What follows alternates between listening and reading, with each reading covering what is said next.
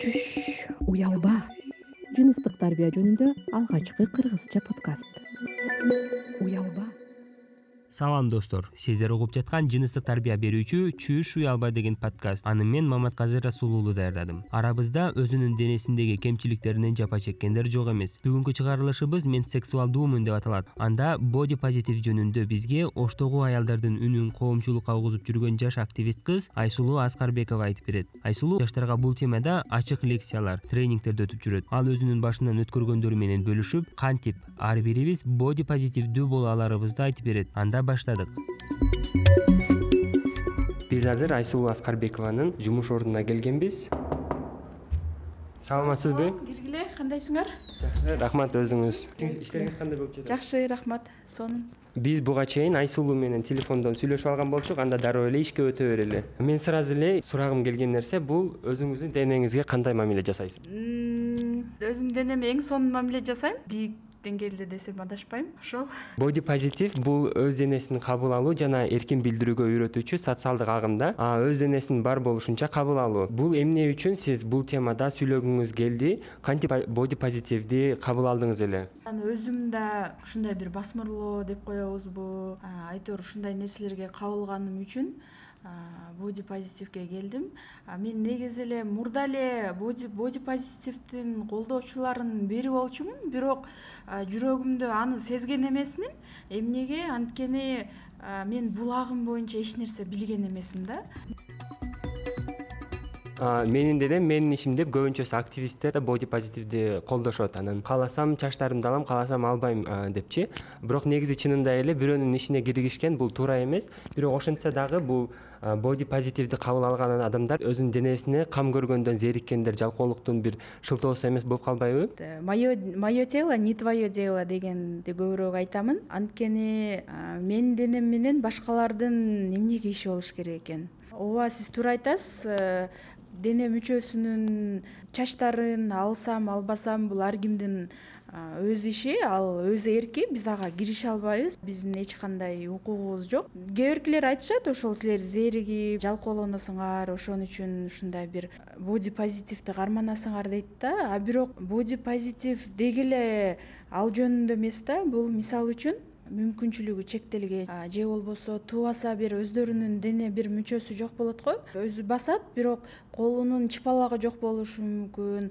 Биз ошол кемчиликтерди кабыл алуу максатын максатты көздөйт да боди позитивчи мен да википедиядан окуп калдым. Бул боди позитив тубаса же болбосо мындай айыкпай турган адамдарга колдоо көрсөтүү үчүн жаралган уюм мындай агым экен да. Ошол эле учурда сиз ушул ошто боди позитивди э, мындай көтөрүп жүрүп кандай жетишкендиктерди байкадыңыз? Биздин коомчулукта канчалык деңгээлде бул боди позитивдин деңгээли? Боди позитив э, терминин колдонбой сабак өтсөң баары макул болушат. Бирок э, боди позитив деген сөздү кошсоң эле сиз деген башка жактагы агымдарды алып келип атасыз ачыгыраак айтканда американын бизге таандык эмес сиз деген долларларды жегениңиз үчүн боди позитивди колдойсуз ал жок болсо колдобойсуз ал эми сиз толуксуз ошо өзүңүздү жашырыш үчүн өзүңүздү коргош үчүн боди позитивди колдойсуз дейт да.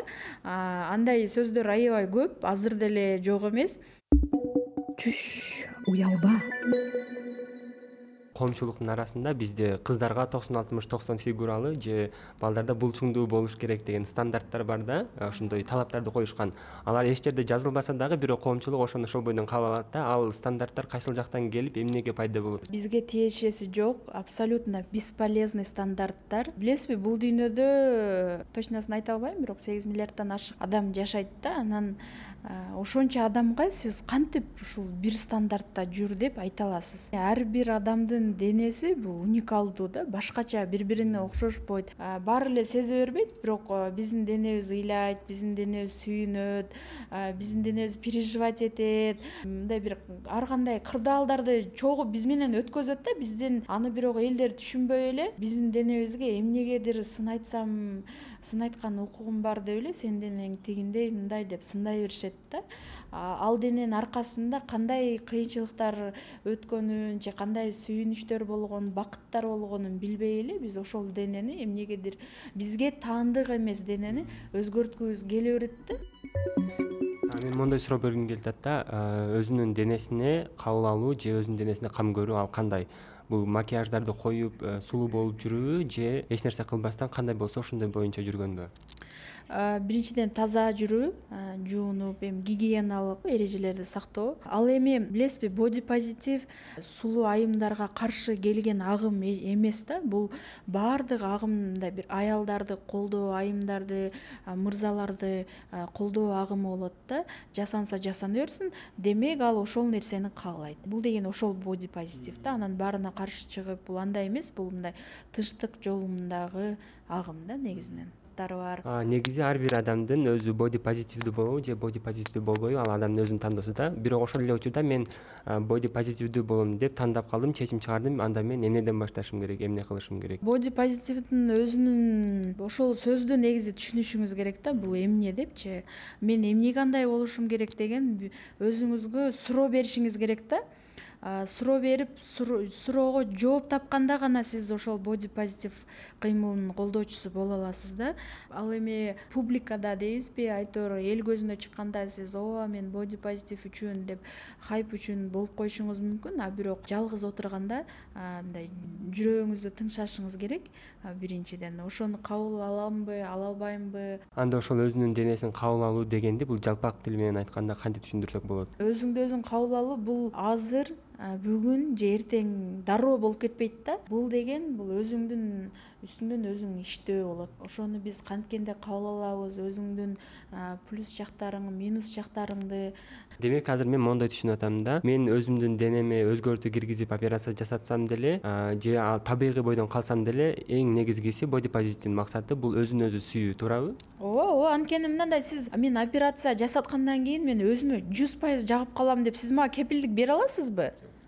Вот вот вот о чем речь да понимаете? Эртең сиз операция жасаткандан кийин таптакыр өзүңүзгө жакпай калсаңыз сиздин ошол врачыңыз акча берип аткан врачыңыз сизди жүз пайыз сиз ойлогондой кылып коет деп сиз мага кепилдик бере албайсыз да туурабы? Ошон үчүн ошол операцияга чейинби операциядан кийинби бул өзүңдү кабыл алышты билиш керек мисалы бизде жана өзүңүз жогоруда айтып өткөндөй эле коомчулукта мындай көп кеп кылышат го. Бизде адамдарды кеп кылганды жакшы көргөндөр аябай көп. Мисалы бир аз толуп кетсе бул толуп кетиптир деп дешет. Арык болсо ийне жуткандай дешет. Анан көбүнчөсү эми өзүн өзү кабыл алып башкалардын оюна э, баш бербестен жашоо үчүн мисалы жаштарга сиз кандай кеңештерди берет болчуңуз? Өзүңөрдү сүйгүлө дейм. Өзүңөрдү барктагыла өзүңөрдү баалагыла анткени өзүңдү сүйбөсөң башка бирөө менен кыжалат боло берет экенсиң да өзүңдү сүйгөндө өзүңдү кабыл алганда гана бир бир натыйжага ээ болот экенсиң да. Мен көп жерге барсам анан мен да кичине тартынчумун уялчумун бир чогулушка барганда арык чырайлуу кыздар болчу да ар дайым анан мен монте беришим да азыр мен ушул чогулушта бир сөздү айтсам алар менин сөзүмө жооп бербей алар менин денеме карап жооп беришет. Деп эле ошентип тартынып көп сүйлөй алган эмесмин да. А мен берки кыздарды карап эле өзүмдү бир басынта берчүмүн да. Сен сен деген сүйлөй турган кыз эмессиң сен деген мындай бир стандарттарга туура келбейсиң деп эле сүйлөй калат элем. Анан мен да ошентип окуп изденип жүрүп интернеттен өзүмдү мындай бир сынап көрдүм да. Мен айтсам менин оюма кандай жооп беришет экен а мен чогулушка келип туруп өзүмдүн оюмду айтып туруп алардын реакциясына көңүл бурдум да реакция аябай жакшы болгон э, менин оюмду аябай колдошкон. Көйгөйдүн баары негизинен биз өзүбүздө ичибизде болот экен да.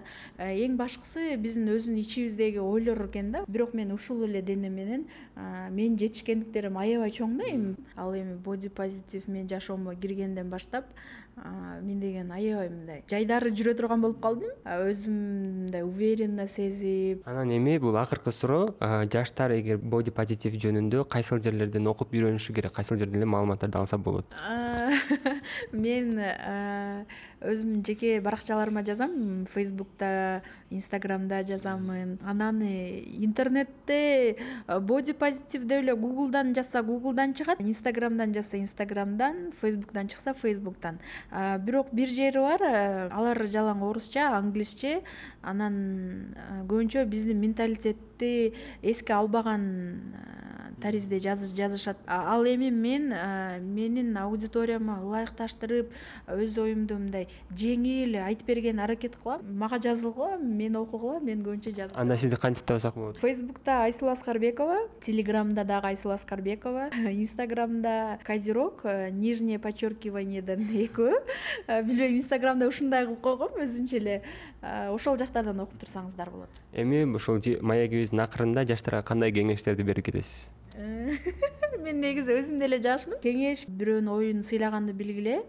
Өзүңөрдүн оюңарды таңуулабагыла анын акырында баарыңар өзүңөрдүн денеңерди кабыл алгыла деп коелу чүш уялба бүгүнкү маегиңиз үчүн сизге чоң рахмат. Э, сиздерге чоң рахмат. Негизинен ушул темалар боюнча аябай аз да. Кыргызский сегмент дейбизби интернет пространствода аябай аз да. Маалыматтар маалымат топтоп элге кыргызча кыргыз тилинде чыгарганыңар а, аябай сонун нерсе деп эсептейм. Рахмат чоң.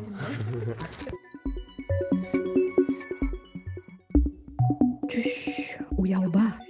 Жыныстык тарбия жөнүндө алгачкы кыргызча подкаст. Уялба жыныстык тарбия жөнүндөгү подкаст долбоорума сорос кыргызстан фонду көмөк көрсөттү